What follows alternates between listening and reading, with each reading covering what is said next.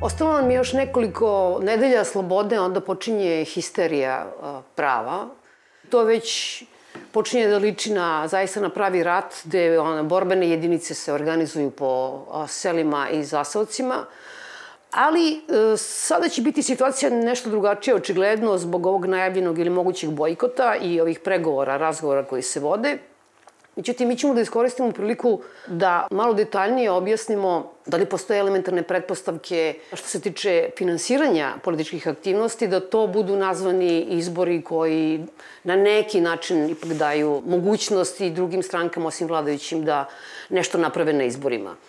Obično ljudi kažu da, oni imaju najviše para, da, mediji su na njihovoj strani, međutim, sudeći po tome što sam pratila izveštaje pre svega transparentnosti, ovo što je vlada pisao na raznim sajtovima. Kad se uđe u detalje, onda se vidi koliko je to zapravo strašno. Ta disproporcija u finansiranju stranaka i političke aktivnosti je potpuno frapantna već postala i ona nekako raste iz izbora u izbore.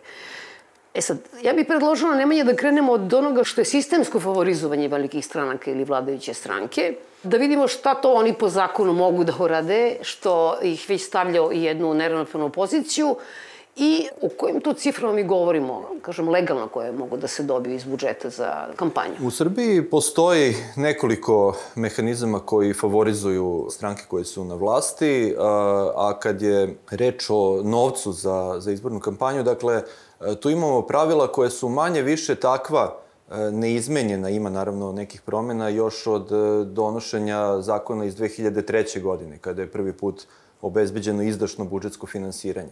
Mi sad ne znamo tačno koliko će to biti naredne godine, ali ako je suditi po parametrima budžeta iz ove, ne bi trebalo da bude manje od 6 miliona evra e, za opredeljeno za finansiranje kampanje direktno iz budžeta. E sad, ono što narušava moguću ravnopravnost učesnika e, jeste činjenica da se samo 20% deli svim učesnicima jednako ukoliko polože e, izborno jemstvo, dakle ukoliko daju neku garanciju za taj novac koji su dobili iz budžeta, koja će im biti uzeta ukoliko ne osvoje 1% glasova. Drugi deo novca, 80% e, dolazi nakon izbora, deli se nakon izbora i praktično deli se onima koji su uspeli da pređu cenzus, najviše, znači u skladu sa uh, brojem dobijenih glasova, odnosno mesta. I mi kroz taj mehanizam imamo de facto favorizovanje uh, onih koji mogu, s obzirom na svoju izbornu snagu i druge vidove promocije, bez ikakve kampanje, bez ikakve plaćene kampanje, da računaju na određeni broj glasova, odnosno mesta u parlamentu i samim tim da računaju na, veće, na veći novac iz budžeta. Dakle, to njima E, omogućava da e, plate skuplju kampanju u startu, znajući da će im ona biti e, velikim delom pokrivena iz javnih izvora. Šta je sada tu bitna promena u odnosu na neko stanje pre 5, 6, 10 godina? Nekada smo imali na političkoj sceni, da tako kažem, uravnoteženiju tu partijsku scenu. I imali smo četiri ili pet političkih stranaka i grupacija koje su imale kampanje sličnog obima, uvek se naravno po neko izdvajao ko je bio u vrhu vlasti, ali bilo je više tih učesnika koji su delili taj kolač, dok u poslednjih nekoliko izbornih ciklusa imamo praktično SNS, odnosno koaliciju koja se okuplja oko te partije, koja uzme najveći deo sredstava. Drugo problematično rešenje u zakonu je e, novo, relativno novo, mislim ono iz 2014. godine, i tim zakonskim rešenjem je izričito dozvoljeno da se koristi novac dobijen iz budžeta za finansiranje redovnog rada partija i za izbornu kampanju. Naravno i pre donošenja ovog rešenja bilo je izigravanja zakonske odredbe, pa su se partije dovijale na razne načine kako da taj budžetski novac preliju u kampanju. Međutim, sada je to izričito dozvoljeno i to favorizuje sve one koji pre svega imaju poslanike u Narodnoj skupštini, a pre svega naravno one koji ih imaju najviše ili koji imaju srazmerno malo troškova poput recimo nekoliko manjih stranaka, stranke vojvođanskih Mađara koje pokriva ograničenu teritoriju, a ima solidan broj poslanika i ostaje i neki višak novca koji mogu da uložu u kampanju taj novac koji svi građani izdvajaju da bi sada stranka jedna koja je dobila veliki broj glasova imala za redovni rad. Za redovni rad to podrazumeva sada koje svrhe. Mislim, jer jedno vreme su se e, čak e, hvalili mi smo štedili. Pa ne, nisam ti je dao novac da ti uštediš, nego da ove nepismene tamo naučiš šta znači donošenje zakona, šta su evropske integracije, da angažuješ eksperte koji će ti pomoći da napišeš pristojan zakon, je tako? A ne da ti to štediš da bi ubacio u kampanju ponovo. E, Zakon je tu postavio neke e, parametre e, zašto bi taj novac trebalo da se troši. U principu za razvijanje na kraju krajeva stranačke infrastrukture, rad sa biračima, osposobljavanje kadrova, obuke i tako dalje. Bilo bi dobro, to je bio naš predlog da se deo tog novca obavezno izdvoji za rad poslaničke grupe. Zašto bismo mi, e, mi sad plaćamo duplo praktično, plaćamo poslaničke grupe kroz, preko skupštinskog budžeta, a istovremeno sve te stranke dobijaju novac koji bi takođe mogli da upotrebe za podizanje kvaliteta njihovog rada. To je jedna priča o, o nameni trošenja budžetskog novca, dakle ako se kaže da je to za redovan rad, očigledno je da ne sme za kampanju. Znači sme za bilo šta drugo osim za kampanju, a onda je to promenjeno i, i načinjena je e, ta, ta norma absurdno. Um, to je na predlog na poslaničke grupe SNS. Poslanička grupa SNS koja u tom trenutku zahvaljujući između ostalog izmenama zakona iz 2011. odnosno donošenju zakona iz 2011. koji je donela prethodna politička garnitura gde su silno povećana ta budžetska izdvajanja, odjednom je grupa koja je imala e, na raspolaganju veliku količinu e, novca za, za redovan rad, trebalo da osmisli ovaj način kako će se on legalno trošiti, pa je onda između ostalog predloženo da se može trošiti za kampanju i da se može koristiti i za kupovinu nekretnina. To je takođe promenjeno.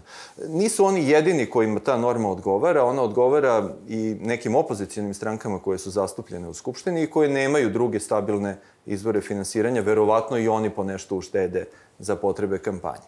I naravno, ako govorimo o finansiranju, postoji još jedna stvar koja nije srpska specifičnost, koja pogoduje e, naravno vlastima e, uvek, e, to je spremnost potencijalnih donatora da podrže e, stranku, bilo da to čine javno ili u srpskom kontekstu e, pre svega skriveno. Dobro, tu sad dolazimo do tu, u tu situaciju da objašnjamo da ti koji imaju novac su najčešće dobili taj novac zahvaljujući pozicijama koji su dobili od te vladajuće stranke, jel?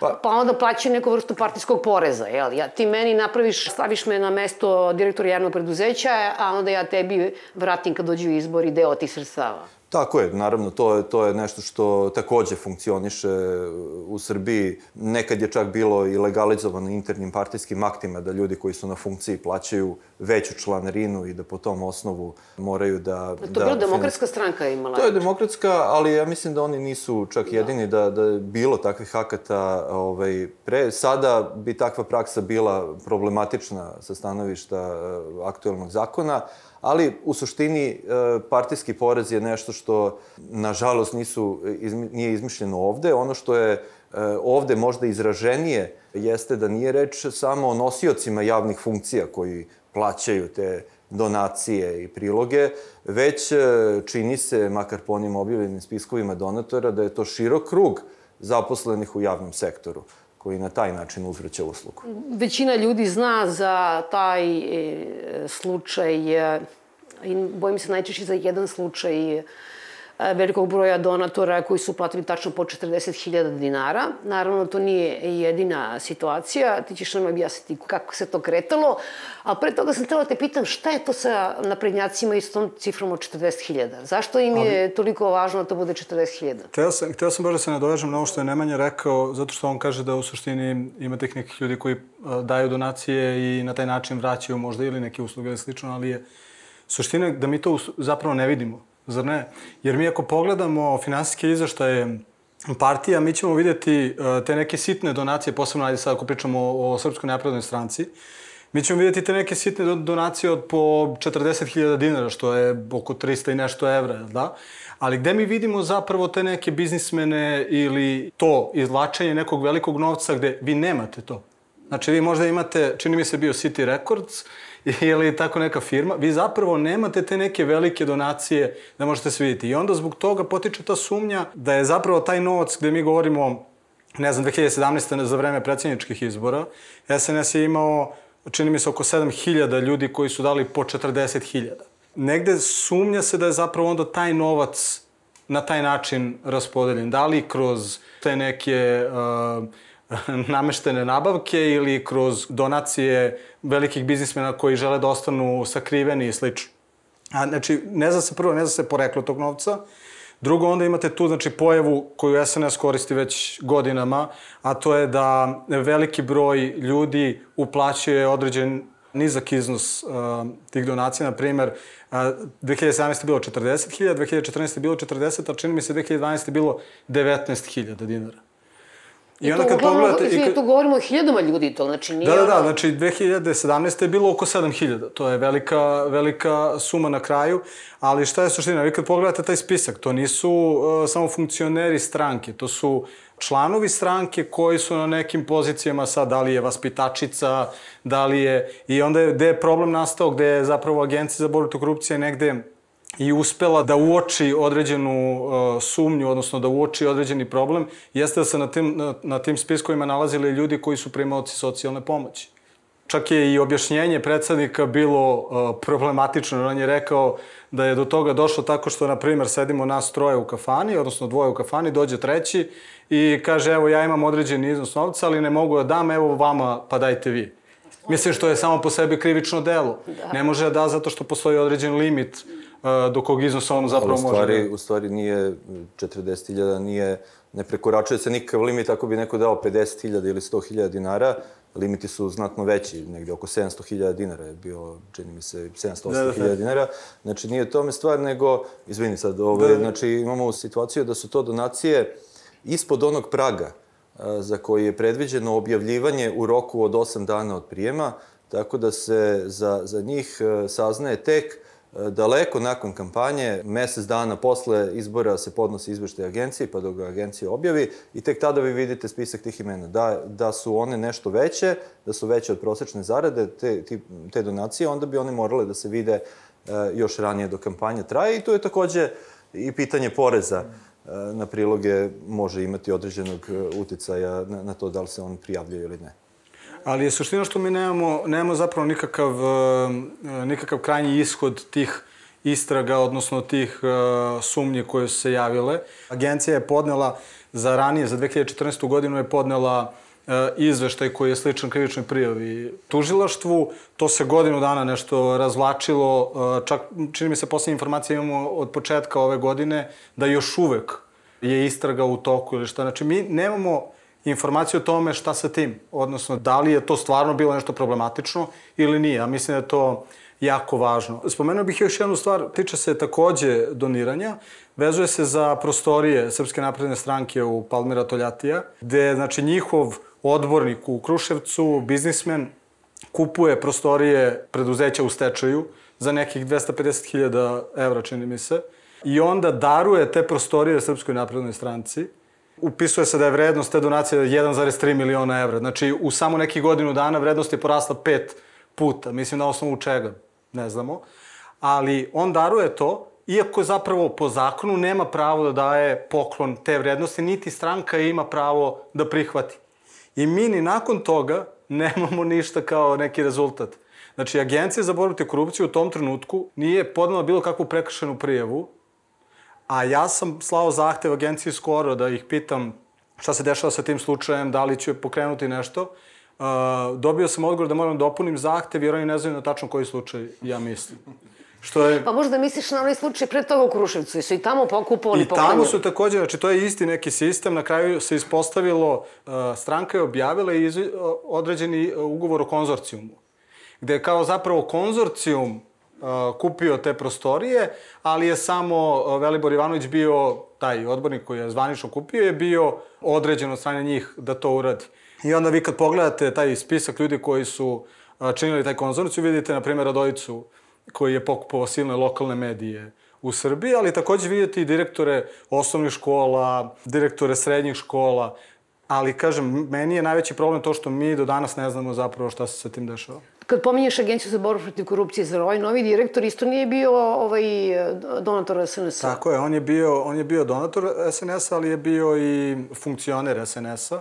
I, znači, opet se vraćamo na isto, ni to nije bilo na kraju ispitano, mi ne znamo da li on u trenutku uh, prijavljivanja kandidature za, za mesto direktora, da li je uopšte bio član na, na taj dan kad je da, izabran. Da, da. Ovaj, ali mislim, to je u suštini e, stvar koja, kad je već izabran, onda je odbor agencije kao to telo koje je iznad e, direktora morao da zauzme neki stav, da li on e, uopšte može da obavlja poslove kontrole finansiranja stranaka, ne samo te svoje bivše stranke, nego i svih drugih koji su i konkurenti, ili bi morao da se izuzme iz tog posla i to onda stvara, otvara mnoga druga pitanja ako se on izuzme, kako će taj posao da obavljaju službenici koji na neki način zavise e, od direktora. Dakle, veoma komplikovanu situaciju su napravili i praktično a, e, doveli pod sumnju na kraju krajeva svaku buduću kontrolu koju agencija bude vršila. Ranije, kad se to dešavalo, imali smo Božo Draškovića, baš sam za Peščanik pisao, on je u javnosti zašao kad se pojavila ta sumnja da je kandidat za direktora agencije zapravo bio blizak SNS-u, odnosno član SNS. Znači, on je izašao u javnost sa tim. Gde, sad, gde su sad neki članovi uh, odbora agencije koji bi mogli da izađu u javnost uh, po, povodom ovog slučaja? Nema ih. Kada sam čitala te vaše analize unazad, uh, u stvari sam došla do jednog zaključka koji je možda preterana, Zlatko, ti ćeš mi reći, s obzirom na fun takozvanu funkcionarsku kampanju, a vi ste napravili taj termin, uh, praktično njima i ne treba nikakav novac. Mislim, to je onako čak kao što ne treba ministru policije doktorat da bi bio, ne treba ni ministru a, financija doktorat pa da mora da, da ga plagiraju, tako i njima ne treba mnogo da se kompromituju s ovim stvarima kada imaju u stvari celu državu na raspolaganju i sve njene, njene resurse. E sad, ovo sa funkcionarskom kampanjom je zaista eskaliralo do ludila i to je ovaj, nešto što eksponencijalno raste iz izbore u izbore. Kažeš eksponencijalno, a, se to povećava, tu postoji još jedna zanimljiva stvar. To OEPS, odnosno OEPS-ova misija notirala, pa su to, pre, pa to onda počela da prenosi i Brisel u svojim izveštajima upravo ove stavove uh, odira. A, mi o tome govorimo od 2012. od izbora, od onih čuvenih uh, Tadićevih krava i, i, i odlazaka na funkcionarske događaje nakon što je skratio mandat pod navodnicima. A, međutim, naravno, to sve što mi pričamo ne ignoriše Vučić i, i, i ostali, nego pažljivo prate i slušaju i ja sam ubeđen da nije slučajno da negde od 2014. kreće jedna permanentna kampanja u kojoj su tadašnji premijer Vučić i pojedini ministri i gde ta funkcionarska kampanja praktično se iz izbornih, odnosno predizbornih perioda i malo pre predizbornih perioda preliva na celu godinu. Tako da s jedne strane imamo tu stvar da su shvatili da je to nešto što malo bode oči, pa sad nećete moći da nam prigovorite da u ovom izbornom periodu imamo 400% veći broj aktivnosti, jer smo mi obilazili fabrike, otvarali škole, toalete i ne znam šta tokom cele godine. To sad, naravno, postavlja se pitanje šta je redovna aktivnost ministra, premijera, Vučić je ubeđivao da je njegov posao i da, da treba da obiđe sve toalete u školama u Srbiji. Mi smo imali, mene je bilo jako simpatično u kampanji Vulin koji ide da porine rečni brod u Perles kod Zrenjanina. Rade radnici u tom brodogradilištu, možda to ima veze sa nadležnošću ministra rada. A onda 2018. dobijamo nešto novo, jer funkcionarska kampanja je već previše u tom diskursu, previše se pominje i čini mi se da je to nešto što bi moglo da bude obeleži možda nekih sledećih izbora, mi smo to nazvali celebrity kampanjom i onda na gradskim izborima vi imate ove neke košarkaše, imate e, Žiku Šarenicu, Aju Jung, imate doktora Radojičića koji priča tople ljudske priče o, o, o bolesnoj deci, imate ovu Vesnu Stanojević Beše koja priča tople ljudske priče o, glumci.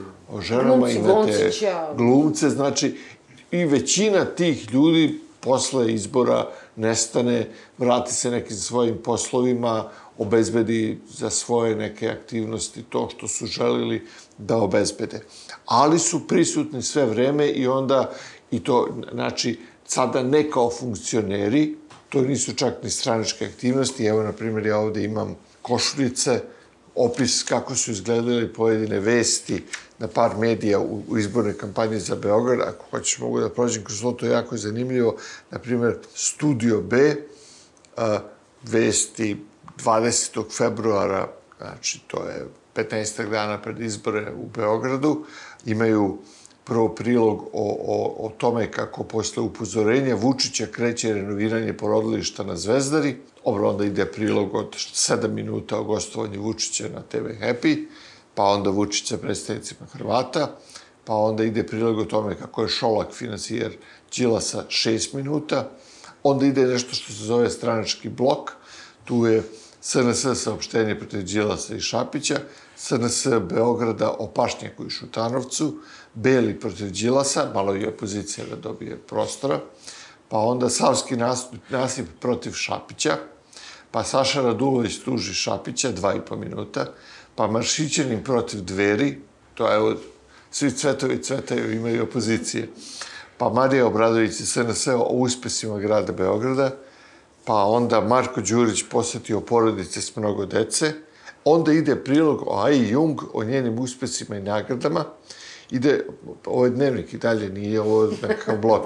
Ovo su zanimljivosti u dnevniku. Šetnje sa njom i njenim psom kroz centar. To traje tri minuta i na kraju najava emisije Istraživač o DS-u, Đilašu i Šapiću dva minuta. E, onda ide blok šta ima novo u Beogradu. I tu ide pet priloga. O, sad je nevolja. o metrou dva i po minuta. Siniša Mali od toga 50 sekundi ton. Pa onda Siniša Mali igrao rukomet sa mladim rukometašima Partizana i Zvezde u egzibicijone meče, pristvovao Šarčević dva minuta.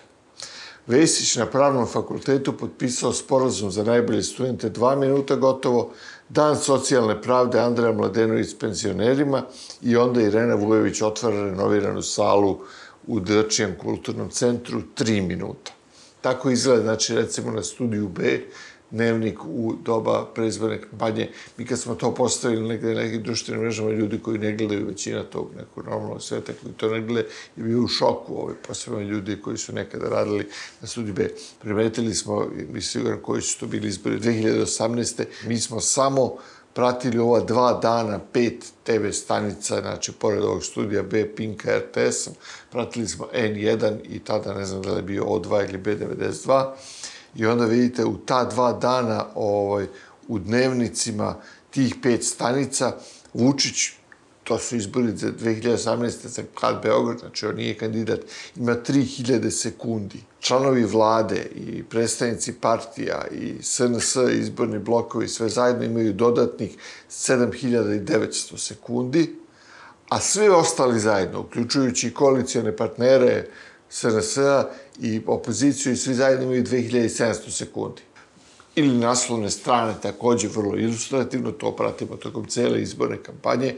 Onda imate, na primer, Vučića 195 puta na naslovnim stranama, a SNS ukupno 294, odnosno lista Aleksandar Vučić ili on, to je, dok svi ostali zajedno imaju 200 pojavljivanja. Od toga svi ostali zajedno, uglavnom u negativnom kontekstu, da. u tabloidima.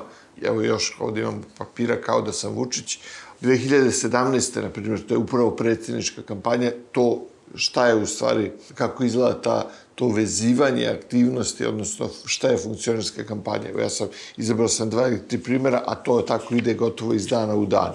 2. mart u Vranju na železničkoj stanici u 3 sata se otvara nekakva rekonstruisana deonica. Tu je Vučić, tu je Zorana Mihajlović, tu je ruski ambasador, tu je generalni direktor ruske kompanije, voze se novinari iz Beograda i onda u 6 sati miting e, Vučića u Vranju. I tako onda Jagodina, tako Lebane, Leskovac, Niš, pa miting u Leskovcu, tako u Čačku, opština Voždovac saopštila, pošto su se građani bunili, ako se nema Stepa Stepanović protiv izgradnje benzinske pumpe, opština Voždovac saopštava da je na inicijativu predsednika opštine, a uz odobrenje Aleksandra Vučića, građevinska direkcija odustala od izgradnje pumpe. To je zaista onako. I, i poslednja ilustracija, to je moja omiljena, otvara se u beogradskom naselju Ripanj, počinje izgradnja, otvara se nove ambulante. I to prisustuju gradonačelnik Siniša Mali, ministar rudarstva Aleksandar Antić, predsednik opštine Voždovac Aleksandar Savić, ministar unutrašnjih poslova Nebojša Stefanović i poslanica SNS Marija Obradović. Oni su po tim funkcijama najavljeni, znači nije sad to tamo bio stranački skup. Eto, to su samo neke o, onako ilustracije, a ovde imam brojeve, što bi rekao Vučić, ostavit ću vam posle emisije.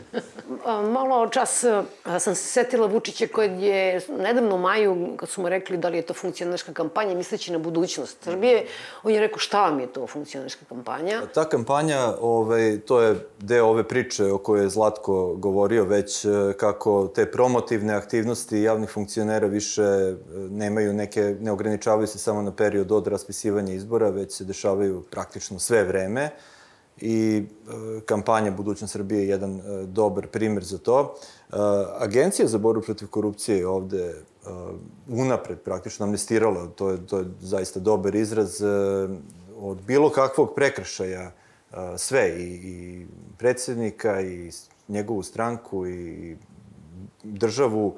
Izašli su sa jednim mišljenjem povodom neke inicijative koje su dobili da, da ocene zakonitost te kampanje. Agencija se tu pozvala na nešto što jeste odredba zakona. Možda zvuči malo komplikovano, ali pokušat ću da objasnim. Ima u zakonu o agenciji ta odredba, član 29, koja nalaže e, funkcionerima da uvek jasno predoče sagovornicima e, i javnosti da li nastupaju u svojstvu e, stranačkog ili državnog funkcionera. Međutim, poslednji stav tog člana kaže da se da ta obaveza ne važi e, za funkcionere koji su direktno izabrani na izborima. Taj izuzetak je primeren za narodne poslanike.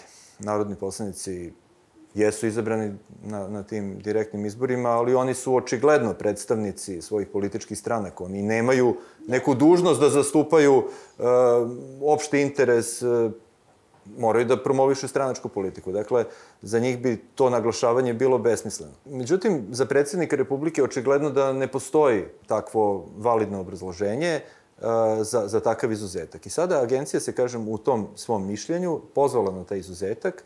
Otprilike je tumačenje da uh, predsednik uh, Vučić nije prekršio tu normu kada je na ovim skupovima budućnost Srbije govorio i o nekim pitanjima koje su, ajde da tako kažemo, stranačke prirode, koje ne odnose se na samu državu Srbiju. A, međutim, postoji i drugi aspekt te odredbe, e, tog istog člana 29, a to on se odnosi na korišćenje javnih resursa. Dakle, e, kad je reč o korišćenju javnih resursa, e, ni jedan funkcioner, pa ni onaj koji je izabran od strane građana na nekim direktnim izborima, nema uh, unapred dato obrazloženje da te javne resurse koristi za stranačke svrhe. Dakle, ono što je agencija trebalo da utvrdi između ostalog jeste ko je uopšte uh, tačno uh, organizator te kampanje, koja je njena svrha i da onda na osnovu toga da uvide šta se tamo dešavalo, da vide da li je došlo do neke, neke vrste korišćenja javnih resursa u svrhu stranačke promocije. Oni to nisu uradili, već saopštili su praktično da, je, da se time neće baviti i mislim da to e, jeste e, veliki problem. Ne bi bio, da se razumemo, nikakav problem da je e, sa stanovišta zakona da se gospodin Vučić kao predsednik svoje stranke angažovao na nekakvim stranačkim dešavanjima, obišao celu Srbiju. Jasno. Tomu zakon ne brani. Ali ne može to da čini u svojstvu predsednika Republike, pa onda na takvim skupovima da govori o, o nekim stranačkim pitanjima, da promoviše svoju stranku ili a, da priča protiv političkih protivnika. Dakle, pomenuli je Agencija za borbu protiv korupcije koja ne postupa često ili unapred se ograđuje da neće neke stvari da radi. Praktično je sinonim za to druga jedna institucija koja je vrlo važna, to je REM, A, I to je sad ta igra, koliko sam videla. Agencija ne može da prati neke e, stvari poput oglašavanja u medijima, partijskog, zato što nije dobila od REM-a podatke, a REM ne može da da podatke zato što nemaju softver, ili tako nešto lupetaju. I REM se napred, kako da kažem, odrekao uloge koju mora da ima, to je da prati izborne kampanje, da, odnosno da prati ponašanje medija. Ja sam baš slušao kad je Zlatko sad navodio sve te primere u, u medijima, razna otvaranja fabrike i slično. I mislim, malo mi je krivo iskreno što ova emisija neće ići nakon teksta koji ćemo objaviti za, čini mi se, desetak dana otprilike. Mi ćemo pokazati zapravo kako je REM ne funkcioniše, znači ne prati više od 2016. godine, uh, ne vrši taj nadzor na, na televizijama. Mi smo uh, uspeli da dođemo do informacija uh, o samom tom izveštaju, šta on pokazuje. I, na primjer, jedna zanimljiva stvar je da REM ništa od ovoga ne bi, ne bi stavio, to jest ne bi pratio. Za sve određene stvari postojate neke ključne godine. U ovom slučaju za REM ključna godina je, čini mi se, bila 2016. godina jer je ta institucija u tom trenutku praktično rekla mi nećemo da radimo svoj posao. Znači, ne da oni sad više nisu samo objavljivali izveštaje uh, monitoringa koje su kasnije radili, nego nisu radili ni monitoringi.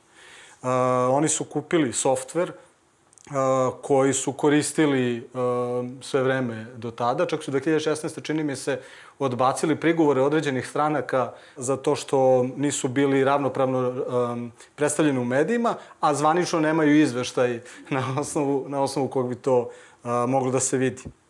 Dakle, REM u tom smislu ne radi svoj posao, takođe ne radi, evo, Zlatko isto spominjao te neke primere, čini mi se baš za beogradske izbore, gde postoji ta neka vrsta negativne kampanje prema, prema opozicijonim strankama i generalno kritičarima vlasti. Mi smo radili tekst koji pokazuje, jer smo došli do izveštaja e, REM-a, ali izveštaja stručnih službi, koje pokazuju da stručne službe rade svoj posao. Znači, do nekle, može da se vidi da one utvrđuju određene prekršaje, ali da kasnije kad to ode na uh, sednice sa, da. da, na, sa, na sednice saveta, da to pada.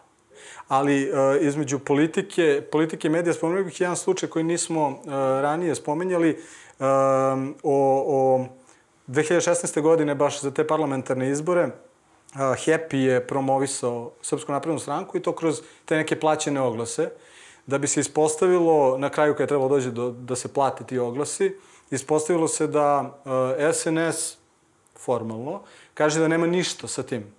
Šta se desilo? Zapravo neko je naručio Happy-u uh, te oglase preko maila, policija ne može da nađe ko je ta osoba i ostalo je neplaćeno nekih pola miliona evra, čini mi se, a to je to su neki ono ne znam koliko minuta minuta promocije određene stranke. I sad mislim kako tačno SNS nije video da na Happy idu njihove reklame, a da nije reagovao da pita šta se dešava, odakle toj osobi reklame i slično. To je još je taj jedan odnos između uh, politike i medija, odnosno stranaka i medija, gde uh, čini mi se da možda dolazi do toga da se taj novac ipak na kraju vrati kroz neke druge usluge ili kroz neke druge promocije. Ne, samo, samo ovaj, nešto što je Vlada pričao, ovaj, sad sam nedavno bio na sajtu Rema, Ovaj, pa sam video nešto što deluje kao da je ova kritika e, imala nekog efekta, da su počeli u nekim situacijama da podnose e, prijave protiv televizija, ali onako objedinjeno za, na mesečnom nivou podnosimo... To je problem, da, to je problem zato što... Na podnosimo 100 prijava ili 300 prijava mesečno i onda, i onda umesto da... Da, objasnim. Zato što televizije, što televizije rade, one naprave, na primjer, hiljadu prekršaja, ovo sad ne tiče se samo kampanje, nego generalno, da, da, na primjer, puste... reklama. I šta oni urade? Znači, oni naprave, na primjer, hiljadu takvih prekršaja, a onda REM to objedini u jednu prekršenu prijavu. I ti slučajevi naj, najčešće zastarevaju ili uh, na kraju budu neke kazne koje su totalno ono, nesrazmerne uh, zaradi koja Onda koja se objedi, dolazi. objedini se to tako jedan je, kao je. prekršeni postupak i sada ako i hiljadu nekih događaja, onda ne može kazna, neće biti kazna hiljadu puta da. veća, nego, ne znam, dva puta veća nego što bi bila inače da je samo jedan slučaj. Da, čestitam to ko je smislio, ajde sada da ne znamo ko je naručio reklamu, da pustimo gomilu reklama i sve je to nestalo. Ako se to uoči kao problem, onda bi naravno trebalo da REM ili neka institucija izađe sa predlogom da se zakonski uredi prijavljivanje, reklama, kontrolisanje i to se može rešiti. Insistiranje na takvim rešenjima u ovom trenutku otprilike zvuči kao da mi sad postavljamo pitanje da li članovi streljačkog voda imaju dozvolu za nošenje oružja, ali jednostavno mora se s jedne strane stvar rešavati sistemski, institucionalno, jer težimo valjda nekoj pravnoj državi, a ne razbirničkoj družini. E, mogu samo nešto, ovaj, ilustrativan je primjer. Slali smo inicijativu REM-u, jedna sporna tačka koja je, nije čak ni u pravilniku, nego u nekom razjašnjenju, tumačenju oko prenosa ovih stranačkih mitinga. Da li sme televizija da prenosi u celosti e, direktno ili odloženo snimak stranačkog mitinga? Kaže REM, može, ako će to činiti besplatno i bez diskriminacije, odnosno jednako prema svim strankama. A šta znači jednako prema svim strankama? Naprimjer, ako vi imate, recimo, istog dana se dešavaju u isto vreme mitinzi dve stranke, kako može jedna televizija da prenosi dva mitinga? Ili, recimo, ako jedna stranka ima 30 mitinga u kampanji, a druga ima samo pet, da li je to onda ravnopravno da prenesete 30 ovih i pet ovih? Da ne govorim sada o um, drugom jednom problemu koji čak nije samo do njih, a to je pitanje tog političkog oglašavanja i koja pravila važe za te oglase ali imamo pravila koje važe za za, za oglas, za deterđente, za, za, ne znam, proizvode komercijalnog karaktera i onda kad se ta pravila primene na, na izborno oglašavanje, onda dobijemo absurdne posledice. Recimo, bio zabranjen spot Jeremića u kampanji ono Vuka, ne Vučić. Zašto je zabranjen? To je zabranjen iz istog razloga zašto ovi što prave deterđent ne smeju da kažu naš deterđent je bolji od ovog drugog po, ime, po imenu, to je apsolutno neprimereno uh, ustanoviti takvo jedno pravilo za političko oglašavanje gde se upravo porede predstavnici stranaka jedni sa drugim. Kada imamo izveštaj da partije duguju televizijama za oglašavanje, ne znam, desetine, desetine miliona. To je, mislim da je ova prethodna direktorka agencije Tanja Babić je rekla, sumnja se onda, ako su tako veliki dugovi, da se zapravo ti dugovi namiruju prema medijima na drugi način. Dakle, vi automatski povlačite jako mnogo institucije i brdo ljudi još u korupciju. Kao neki koncentrični krugovi te degradacije ljudi i institucija. Evo pogledajte spisak, grad Beograd će za 750.000 evra u probranim medijima da nas ubeđuje da prevoz funkcioniše odlično. Sa novaca koji može da se kupi pet autobusa. Jasno, da, da, da. da, e, mislim, možda nismo dovoljno naglasili sad za ovo što si rekla, koliko ima rupa u tom sistemu uh, transparentnosti. Mi smo uh, krenuli, uh, mislim da je to bilo još zaključak 2012. prvi put kad je primenjen ovaj uh, aktuelni zakon, i tad smo ustanovili da za uh, polovinu prijavljenih troškova, da, ima naravno i neprijavljenih, ali za polovinu prijavljenih troškova se nije znao krajnji izvor finansiranja. I taj trend se nastavio i na, i na narednim izborima. Kako se nije znao? Tako što partija prijavi, jedna četvrtina je, je bila se, troškova neizmirena i bez ikakvog znanja iz kojeg izvora će biti plaćeni, da li će ikad biti plaćeni kao ovim primjerima sa medijima. A još jedna četvrtina ukupnog, uh, ukupne sume prijavljenih troškova je odlazila na uh, ono što će biti plaćeno iz kredita. I sad vi znate da je neka banka u tom trenutku dala kredit, ali nije kredit Nije banka izvor finansiranja, to je inicijalni izvor finansiranja. Pravi izvor finansiranja je onaj iz koga će na kraju biti plaćena kampanja. I to je nešto što se ne zna. Vi imate izveštaje e, sve i da su najistiniti, oni nisu potpuni, ne daju nam e, sliku o celokupnoj strukturi izvora finansiranja e, kampanje.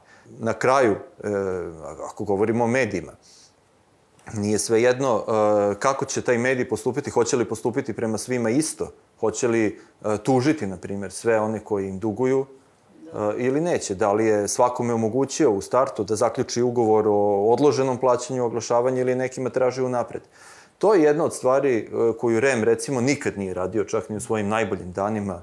Oni su nama izričito rekli da se oni time nikada nisu bavili, a stoji u njihovim, tada što se to zvalo opšta obavezujuće uputstva, stoji da moraju mediji pod istim finansijskim i tehničkim uslovima da obezbede oglašavanje, znači da oni to apsolutno nikada nisu pratili da li je nekome naplaćeno više, nekome manje za istu stvar i da li je uh, svima bilo moguće da plate odloženo. Mi smo imali i situaciju 2013. godine gde su, na primjer, Pink i Happy davali SNS-u uh, popuste na oglašavanje koji su išli, čini mi se, do 90% i više. Da li su isti uslovi bili za sve?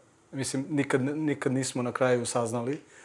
Ali mislim da je, da je iza svega toga uvek neko to sakrivanje zapravo pravog izvora novca. Zbog čega? Zato što Zbog čega bi SNS, na primjer, sad na ovaj način kupovao prostorije u Palmira Toljati, ako su po zakonu koji je izmenjen 2014. godine, oni dobili mogućnost kao stranka da kupe nekretnine.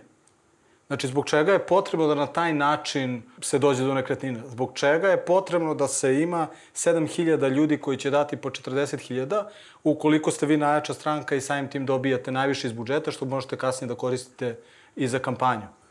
Mislim, A zbog jedini... čega je to? To demonstriranje sile, moći, ne, zastrašivanje da... na neki način, kad ti onda pogledaš sve, pa vidi, oni mogu da budu svuda u medijima, pa vidi njih se plaši agencije, pa vidi njih se plaši REM, pa onda kako da kažem, šta će onda takozvani obični čovjek da kaže, pa čekaj, šta meni može da uradi onda ako, ako su toliko svemoćni? Ali mislim da je više, pre svega je stvar u sakrivanju izvora novca. Jer mi ne znamo odakle taj novac, uh, tih 2 miliona evra iz 2017. godine.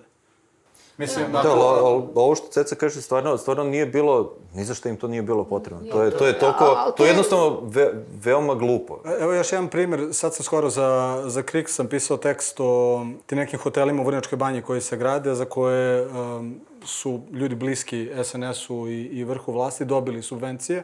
Vi sad imate situaciju uh, čoveka koji je uh, poslanik u Skupštini Vojvodine, protiv kojeg agencija vodi postupak zbog toga što nije preneo upravljačka prava u privatnoj firmi, kazni ga zbog toga i on nakon toga ne prenese upravljačka prava i plus sklopi ugovor sa ministarstvom po kojem dobije milion i nešto evra subvencije. Znači, mislim da smo došli u tu neku situaciju da i bukvalno više nije ni briga. Pa da, da, da li si videli se ne, da, jeste. Ima dve stvari, samo na kraju sam htjela da vas zamolim. Jedno je da ne preskočimo nikako javno tužilaštvo. Imali su dovoljno indicija da neke stvari moraju da ispitaju. Tužilaštvo, naravno, je prava adresa u, u mnogim situacijama. Mi ovde govorimo veoma često i o sumnji na neka krivična dela. Postoji krivično delo propisano zakonom o finansiranju političkih aktivnosti, postoje naravno i klasična dela zloupotrebe službenog položaja i tako dalje. I imamo specifična krivična dela vezana za izbore, znači primanje i davanje mita u vezi sa glasanjem. Mi smo, između ostalog, e, sad dajući predloge u ovom dijalogu, upravo podsjetili i na tužilaštvo kao jedan od organa da mora da se menja naravno i, i ovaj član 38 krivično delo i zakon o finansiranju političkih aktivnosti, ali da moraju i tužilaštvo i agencije i REM da idu u napred, da ohrabre sve one koji imaju e, neka saznanja o mogućim nezakonitostima, da im obezbede siguran način, bezbedan način prijavljivanja i e, da naravno saopšte šta su uradili po svim tim prijavama. Ali da, ne, da se ne zaboravi ono što je bilo u prethodnim izbornim ciklusima, dakle da izađu javno sa podacima šta su ispitali, šta su utvrdili, da li je bilo krivice ili ne. Mi imamo onaj zakon o organizaciji državnih organa u borbi protiv e, organizovanog kriminala, korupcije, terorizma i tako dalje. I sada tu je propisano za koja krivična dela koje će biti ti poseb, ta posebna odeljenja, tužilaštvo za organizovani kriminal, e, opet u zakoniku o krivičnom postupku propisano je za koje krivična dela mogu da se primene neke posebne istražne tehnike i tu se recimo nalazi i primanje mita i zloupotreba, ali nema ovog dela vezanog za nezakonito finansiranje kampanja. Mislim da bi baš bilo potrebno i da, da je tu potrebna i finansijska forenzika i saradnja e, državnih organa, tako da to je takođe jedan od predloga koji smo dali da se da se to uvrsti na spisak e, krivičnih dela za koje se mogu primenjivati te posebne istražne mere. Ja sam teo da, da elaboriram ovo što Nemanja rekao. Znači, vi imate ljude koji idu pred kampanju i dele poklone i sad to nije uh, kupovina glasova, to je davanje poklona, to je nešto što može i mora i treba da se reguliše verovatno i kroz propise i kroz reagovanje agencije. I onda imate drugi korak kako se to uvezuje, onda idu i ubeđuju ljude, dobro, a sad vi treba da glasate za nas, da zbog poklona ili zato što nas volite? I treći korak, kada bismo bili sigurni da ste glasali za nas, e sad tu postoje razni uh, razni načini da se to obezbedi. Jedan koji je, čini mi se, onako najdalje od nekog opasnog krivičnog dela, ali je prekršaj, jeste ono fotografisanje izbornog listića sa, sa, sa ličnim kartama, a onda postoje oni drugi čuveni mehanizmi bugarskog voza i tako dalje. I ovaj, sad tu imamo nekoliko problema. Znači, s jedne strane imamo da bi bilo potrebno da državni tužilac, zamenici, opštinski, okružni, da se pojavljuju u javnosti u medijima, da upozoravaju ljude da sami čine opasno krivično delo na taj način što pristaju da, da uzmu mito i da čine krivično delo u vezi sa, sa glasanjem, da im kažu da to nije znači naivno da za litar šećera, kilogram ulja i ne znam šta čine nešto zbog čega mogu da završe na nekoliko godina u zatvoru A s druge strane, vi imate činjenicu da se državni funkcioneri su se na izborima 2017. su fotografisali svoje lične karte, pa čak do toga da je to radila žena, narodni poslanik, koja je predsednica Gopaka u Srbiji. Šta je Gopak? Gopak je a, organizacija međunarodna koja o, okuplja poslanike i druge a, eventualno spolje organizacije i pojedince u borbi protiv korupcije ovo što se dešava na Fakultetu političkih nauka, trebalo bi valjda neko da priprema te izmene zakona po tome što ste vi rekli, ili crta ili neko drugi. Znači, od toga nema ni traga ni glasa. O čemu se onda oni dogovaraju? Dobro, evo sad ovako iz prve ruke, pošto sam bio ovaj, e, tamo, nisu to nikakvi pregovori. To je, nekad monolozi, ima i dijaloga, malo je bolja atmosfera nego, nego kada su kamere uključene, ali u suštini veoma je sve to daleko od nekog e, sistemskog rešenja. Prvo, problema ima toliko da bi ti sastanci morali da budu svakodnevni, ako se želi neki, neka promjena. Drugo, oni nisu institucionalizovani na neki način koji može e, u nekom, normalno da dovede do promene. Šta bi bilo normalno? Normalno je ako, ako pričamo da neke stvari ne valjaju, da moraju da se preciziraju uh, u zakonu o finansiranju političkih aktivnosti da Ministarstvo pravde i Ministarstvo financija se dogovore čija je to nadležnost, pošto je tu bilo sporova, da formiraju radnu grupu, da u tu radnu grupu uđu naravno stručnjaci i da budu tu i predstavnici stranaka u nekom proširenom sastavu, da daju svoje sugestije, da se, da se nešto konkretno radi na tome. Dalje, ovaj zakon, ovo oko funkcionerske kampanje, tu imamo trenutno samo jedan član u zakonima, to je zakon o Agenciji za borbu protiv korupcije, koji je menjan sada pre nekoliko meseci. U maju je donet novi, ništa nije promenjeno. A i sada bi trebalo Ministarstvo pravde da prizna tu svoju grešku, ili ne mora ni da je prizna, nego neka takođe napravi radnu grupu da se čitava ta stvar pokrene i da se stvar i da se urede e, pravila drugačije ajde da citiram Basaru, ovaj, da stvari mogu da se rešavaju dok su na nivou ekspres lonce. Kad to postane parna lokomotiva, onda je vrlo problematično da se reši. Ti si rekla vrlo lepo, napravio se jedan čep od problema i sada je zaista problem. Čini mi se da je dosta i, i opozicija, kakva god bila zaslužena za to što se napravio čep, i ne samo opozicija, nego da kažem neki, svi, svi, svi ljudi koji su uviđali da stvari idu u pogrešnom smeru, a nisu se dovoljno trudili da se pokrene, da se stvari rešavaju, da se zaustavi, jer mi se čini da je ono bio stav ili pa daj stvarno da vidimo dokle ovo može, je li moguće da može, a ispostavi se može i gore i svaki dan da vidimo, vidimo da može još gore, ili su očekivali pa jednog dana će neko da mu kaže stvarno Vučiću dosta, neko s polja ovaj, ne može tako da se gazi pravna država, međutim i to izgleda nema svoju granicu i došli smo sada do ove parne lokomotive i pitanje je da li sada treba svi da se sklonimo i da pustimo da, da eksplodira ili da pokušamo da, da postavimo kako bi se stvari mogle institucionalno rešiti, a da li će se rešiti, to je najmanje do nas. Promene bi morale dođu do one koji rade nadzor nad tim određenim procesima. I vi ako pogledate, na primjer, medijsku strategiju, šta se sve dešavalo sa medijskom strategijom i tu je napravljena neka vrsta dijaloga između vlasti i, i medijskih udruženja, da bi se na kraju ispostavilo da je iza leđa poslat određena verzija medijske strategije, odnosno nacrta, koja zapravo nije dogovorena pre toga. I gde su nastale najveće izmene? Najveće izmene su nastale upravo oko Rema. Tako da nisam siguran da postoji politička volja da se te neke ključne institucije oslobode ili ono što je, čini mi se čak i premijerka Ana Brnabić rekla, oslobodite medije da bi videli šta pričaju Đilas i, i ostali, priznajući koliko je to sve, koliko je to sve kontrolisano. I čini mi se, a, možda ćemo optužiti da sad propagiram neki makedonski scenarij, ali da dijaloga ne može da bude bez neke strane, treće strane, odnosno nekog tog međunarodnog faktora jer videli smo da, na primjer, tamo je organizovano u sve ove afere koje se sad dešavaju, organizovano taj, napravljen taj specijalno tužilaštvo na dogovorima zapravo između vlasti, opozicije i a, međunarodnih faktora. Tako da mislim da ko garantuje da će ono što je dogovoreno biti ispoštovano?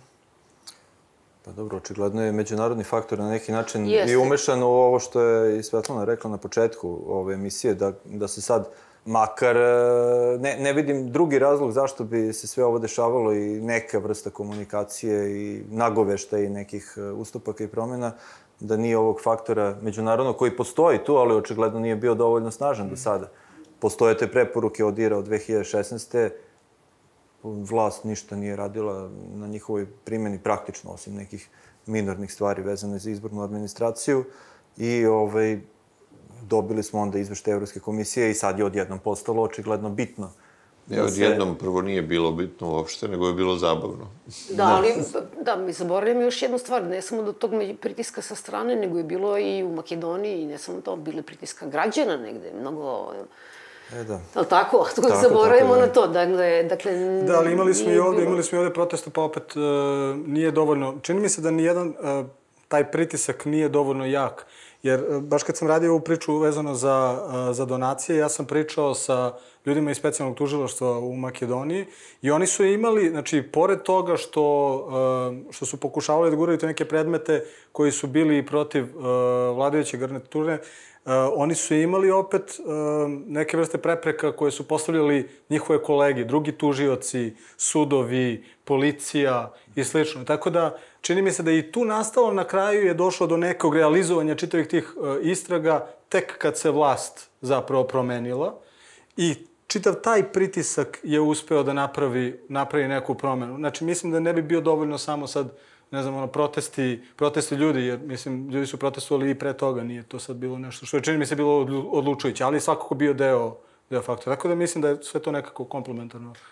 A da li, da vas pitam samo na kraju, bukvalno jedna dve rečenice, Zlatko možda, ukoliko se ništa suštinski ne promeni, ne budemo li vremena, ne budemo li političke volje, jer, mislim, kako da kažem, teško je ovaj, očekivati da se neko odrekne onih mehanizama koji mu omogućavaju da ostane na vlasti. Pogotovo kad tako daleko zabrazdi. Da li uopšte ima neke pretpostavke elementarne za da kažeš da su ti izbori koliko toliko fair, ne znam kako da ih nazovem, jel? Što se ovde drastično nije promenilo, da, da kažeš, kao što se dešavalo u vreme Miloševića, Milošević proceni da mu pada popularnost, pa onda ajde sad, sad ćemo da napravimo 29 izbornih jedinica, pa na Kosovo da uzmem 30, pa sad ćemo 9. Ovde se ništa tako nije desilo. Ovde je ono čuveno kuvanje žabe Da. i sada zaista ja se ne bih usudio da procenjujem koja je temperatura u loncu i da li treba da, da, da šamarati žabu da iskoči ili ne. I ne vidim dobru a, procenu i analizu šta je to gde, gde se vraćamo ispod praga. Mi ovde zaista više ne znamo buka je ko kakve zahteve postavlja. E, Zahvaljujući toj buci mi mo- dobijamo razne odgovore, tipa da tu odgovora da se crni džipovi rešavaju tako što ih saobraćajne policija zaustavlja, ili odgovora, pa ne možete vi sad tražite da se smeni direktor agencije, postoji demokratska procedura. Tako da stvorena je prosto loša atmosfera i mislim da je Nemanja lepo rekao sa ovakvim brojem problema, sa ovom lokomotivom koja jurca i šišti, bilo bi zaista potrebno svaki dan da postoji taj nekakav dijalog ili to nekakvo otvoreno razmatranje šta su gorući problemi. I bez toga da se pravimo a, neka to reši saobraćena policija.